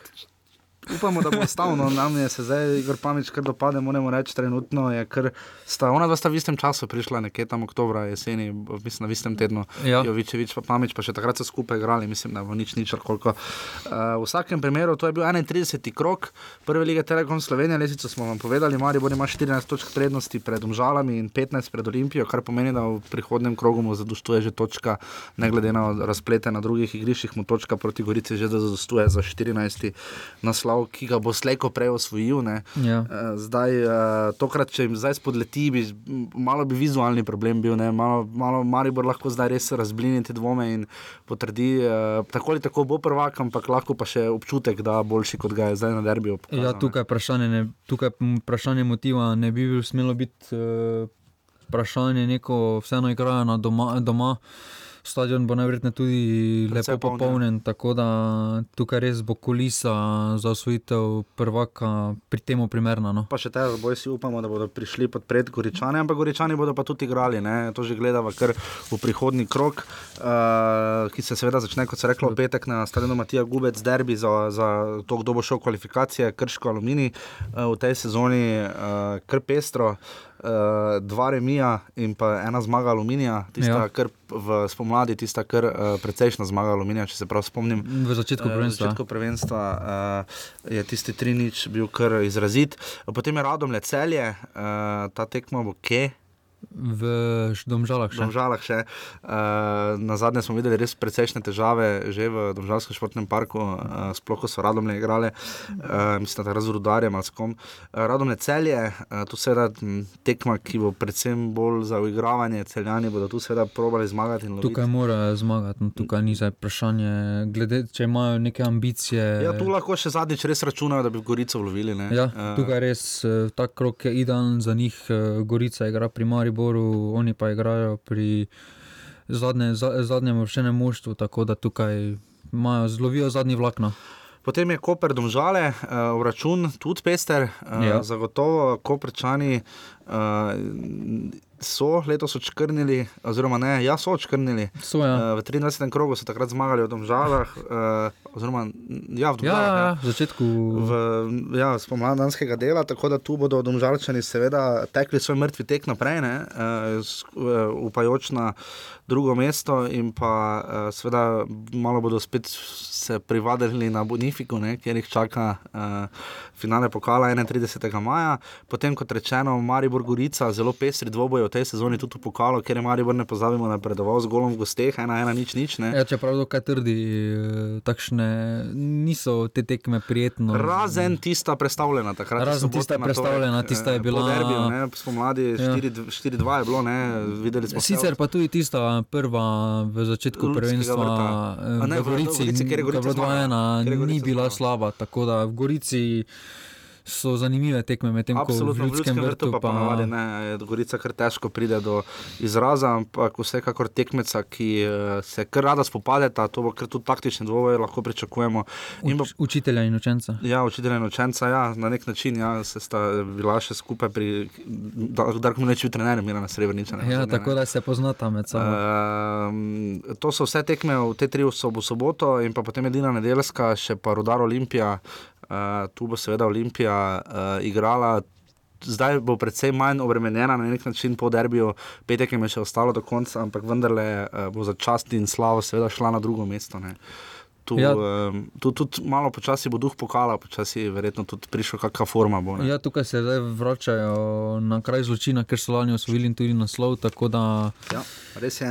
eh, tukaj, če bodo domžale zmagale v Kopru, bodo res ustvarile določen pritisk na Olimpijo, ki tudi bo morala zmagati, če bo želela obdržati eh, vlak za drugo mesto. Kot rečeno, pet krogov je še ostalo do konca letošnje sezone. Um, še nekaj krogov imajo pa tudi uh, v drugi ligi. Ne? Koliko bo letos tu sploh krogov? Tega ne vem. Sed, Šest, ja, 26, 26 tekem bodo igrali. 26 tekem igrali. torej še eni imajo še pet tekem, eni še štiri, oziroma eni še pet, eni še šest. Uh, pester, pestri dvoboji so bili v drugi ligi, uh, žiga, kaj smo ugotovili? Ugotovili smo, da sta tri glav in uh, dob praktično izenačena, res pa je, da ima tri glav tekmo manj. Ne? Ja, pa tukaj tudi uh, Veržej imel veliko priložnost, uh, Uh -huh. da se malo odlepi od. Uh, Brd, to, Brd. Oziroma od Zarice, predvsem in tu je zdaj nič, nič. eh, Tu so Brda in Zarica, imata 19 točk. tako da ta Veržej tekma je 17. mogoče bila že odločilna za Veržej, pač glede, kaj, glede na kaj se tiče obstanka no, v ligi. Bi znala biti, eh, Dob je z ena proti nič premagal Krko z 11 metrov, Ankaran je premagal uh, z Štromajerjem, uh, Brežice. Kaj je bil za vse? To ne vem, uh, ampak Ankaran pridno ostaja na tretjem mestu, v, v, v drugi ligi so res razlike, tako po kosih. Ja. Precej večje kot recimo v prvi ligi. Uh, in pa tri glav Drava, Najbolj zanimiva tekma, Golijada, no. 3 proti 3. Uh, tri glavanom se je zdelo, se je že tako na začetku spom- spomladi, da je praktično odločena druga liga, ampak kot zdaj vidimo, ni. Vsaj pustimo zdaj, kdo bo šel naprej v prvo ligo, ampak kdo jo bo osvojil, pa je še, je še zelo, zelo zanimivo. In pa v zadnjem krogu ne, bosta igrala ravno tri glav in dob. Ne, eh, Ja, tukaj je res vprašanje, kaj bi bilo, če posvoji. Rudar noče tri. Tri glav ne bi štartal tako prvenstvo, kot so ja, štartali. Ne? Kot so štartali, in tu bo tudi vseeno zanimivo videti, kakšna, kakšna bo reakcija od dobu. Ne? Jaz- Jaz še vedno mislim, da se ne bodo odločili. Jaz tudi vsaj, mislim, čeprav so si že zagotovili no, dodatne, skoraj da dodatne kvalifikacije. Tukaj samo še Ankaran šest točk že zaostaja, tako da bo težko ulovil. No. Ja, tu vseeno vidimo na, na dve tekmi, veš, tako. Gleda tisto po kvaliteti, trenutno vidimo, da radom ne težko parirajo aluminiju, krškemu, ne, kaj šele rudarju. Ne, ampak po drugi strani pa vidimo ravno to, ne, da, da pa vseeno bi razlika, recimo krško, rudar, aluminij, ki so trenutno klubi, ki bi igrali dodatne kvalifikacije, so najbrž vendarle za dob. Uh, Ankaran, zagotovo prevelik, prevelik zalogaj, pustimo zdaj, kdo bo šel. Morda tudi Triglo edini, ampak uh, dodatne kvalifikacije, če bi recimo Triglo bil drugi, pa bi moral igrati kvalifikacije, ampak to bomo tako ali tako videli. Dodatne kvalifikacije Triglava in katerega kluba, recimo, bi bile pa predvsej bolj zanačene, ampak tega scenarija skoraj zagotovo ne bomo videli. Ne. Ja, Uh, potem smo bili pa še v tebi ljubi tretji, tretji ligaški konkurenci, uh, kjer so bile malo bizarne ure. Uh, Maribor je igral, uh, zanimivo je, da je Sandy Ugrinec igral za mladince. Ja. Uh, tokrat, čeprav je igral na dveh derbih, se Maribor za njih odločil za prvo postavo, je pa B ekipa igrala ob zelo bizarni uri. Ne? Ja, v nedeljo so že ob 10:30 uh, štartali, tako da res malo. Ampak se to ni poznalo, 7-1 so zmagali v Vidmu. Je pa Rogaška napovedala resen boj za dokončno, uh, za drugo mesto, tu se je zdaj res odlepila in Rogaška bo, kot kaže, šla v drugo ligo. Ja, v tem tednu je tudi Maribor uh, četrtek ali sredo so že potrdili naslov, tako da to, ta tekma je bila že. Uh, Prva kot prvak, s tem so se tudi zagotovili eno mesto, so v tretji ligi Sever že razrešili, tukaj pa Rogaška. Tudi ima za sedem točk. Je res že pobegnila. Tako da Skladijo sem, tako da tudi, tudi Korotan je izgubil, ravno Rogaška je premagala, zdaj proti nič. Korotan je še nekaj časa kazal, da bi lahko tu uh, nekako. Uh, posegel v nek dvoboj. Ja, res škoda, da ni dobenega, dobene koroške ekipe. No. Ja, korošci tu res od 2-7 nazaj, mislim, da so na zadnje bili v drugi ligi celo ne, tako, tako, tako, tako daleč že od zadnjih koroških uspehov. Ne, zadnje, uh, bomo videli, kako se bo razpletla Severna liga. Uh, če, pa, če pa kje vidimo bizarne tekme in uh, ultimativne dvoboje, pa to seveda tretja liga vzhod, žiga, prosim, uh, povej. Uh, kak je nafti uspelo zgubiti doma, nič ena. Po zmagi na derbi proti Muri se je zdelo vse končano, nafta gre zagotovo naprej, zdaj pa je razlika, nafta ima 53 točk, Mura in odranci pa 51. Ne. Ja, tukaj res, no, najverjetneje še njim ni jasno, kako jim je uspelo zgubiti, eh, čeprav to so derbi. Ja, res. Ne. Tukaj je forma, nič ne nič. odloča, čeprav odranci so v res dobri formi. V, trenutnem, v zadnjem obdobju. No. Tukaj so bili izgubili dvoboj. No. Ja, Mura je zmagala v Ljutomeru. Uh, obstaja scenarij, da nafta ne bi šla v drugo ligo, mislim, da trenutno sta Mura in odranci za nami. Ja, čeprav izmed teh uh, treh imajo, ima nafta za moje pojme skoraj da najboljšo ekipo v tej tretji no, ligi. No, pozabljaš, da ima Mura Darjana Matiča. Ne? Ampak ja, vsekakor. Se strinjamo, ja. Imajo in dobro na derbiju. Na derbiju so tudi pokazali, ja. da so da so pač uh, trenutno najbolj superiorni, ampak kot rečeno, jim je tokrat spodrsnilo v tretji ligi center, uh, Bletin in Lirija sta še vedno koliko toliko skupaj. Uh, Bravo je praktično že ne dosegljivo za 54 točkami, tu se kaj dosti ni spremenilo. Uh, razlike so majhne še vedno tudi v tretji ligi Zahod. Uh, um, tu uh, tabor zmagal z ena proti nič, dekani so zmagali s tri proti ena, in pa Adrija Mirren je zmagala s štiri proti dve, praktično ti tri klubi. Ja, mrtvi tek nadaljujejo. Tek nadaljujejo. Uh, ko so pa pri mrtvem teku, uh, žiga futsal, uh, se bliža koncu, ravno danes je, ne, v torek, ko ja, to snemamo. Torek snemamo Zdaj ja. boste, vid, boste to poslušali od sreda dalje, lahko bomo videli, Mari bo že lahko potrdi naslov, pa kaj smo in bomo tudi futsalu posvetili naslednjo oddajo, ko bo pa že zagotovo končano, tudi če danes ni bo v, v petek. Uh, Mora biti na peta tekma, peta. peta ja. Ja. Um, kaj smo videli, zakaj je Maribor tako uh, lažje igra na nek način v Litiji? Ne? Ja, to, od zadnje tekme, no, od zadnjega snemanja offsajda, sta bili dve tekmi, druga je bila še v Mariboru, ki so Litijani po popenalih, popenalih spet dobili. Čeprav takrat je Mariboru manjkal Totoskovič, ki je en izmed. Uh, stebrov te ekipe, na, nas, na naslednji tekmi pa se v Litijo, na tretji tekmi se pa je vrnil v ekipo, ker je Maribor pokazal, da ima res superiorno ekipo napram ostalim v prvi ligi. Zmagali so 5 proti nič, tako da tukaj.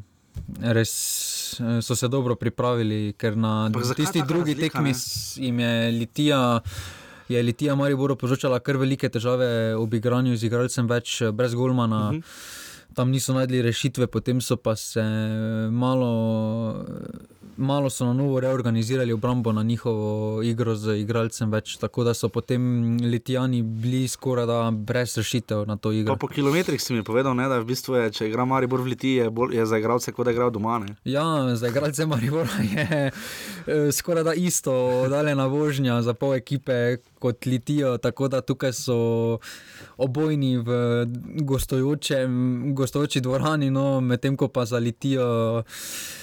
Eh, je večina igralcev za Maribor, za Maribor igra, je doma iz Ljubljane, tako da nimajo dolge poti do Litije. To bomo še videli. Uh, vse bomo spremljali tudi naprej. Uh, vidimo, da danes seveda čaka še. Uh, Jana Oblaka, seveda, uh, Liga prvaka, upamo, da bomo držali pesti, da mu vnovič ne mara uspe priti še drugič v finale Lige prvaka, to bi mu zelo, zelo fej želeli, uh, da bi imeli končno slovenca, ki je zmagal, ne zdaj imamo že že tri, ki, tri, ki niso, pa pustimo nekaj prekina. Ne? Uh, tako da to je to. Uh, hvala nogometnemu klubu Marivor, hvala Miti Vilerju, uh, kot rečeno, ga še moramo sicer posneti. Hvala vam, da ste tokrat počakali. Naslednji offset bo na sporedu v ponedeljek, kot ste navajeni, po vikend krogu malo bomo verjetno več dali besede futsalo in pa morda spet kakšnega gosta našli. Um, tako da to je bolj ali manj to. Uh, celjani, mislim, niso imeli nobenega offseta in so stali pri 90-ih, domžalčani jih zdaj pridno lovijo, jih ima 78, Olimpija ima 71, Aluminij in Maribor tu teče ta mrtvi tek 66, oba, Rudar 61, Krško 51, Gorica 49, Radomlje 48 in pa Koper 41, Ostajdov. To je to, uh, res hvala, da nas poslušate, da nam eh, pomagate, da nam donirate uh, in se potem slišimo potem prihodnič. Tako da, če se znajdete v offsajdu. Pa. Danes pa, danes pa res ni nič. Danes pa res ni nič. Dobro, bomo našli za naslednji teden. Hvala, se slišimo v ponedeljek. Čau. Hvala, Dio. Yeah.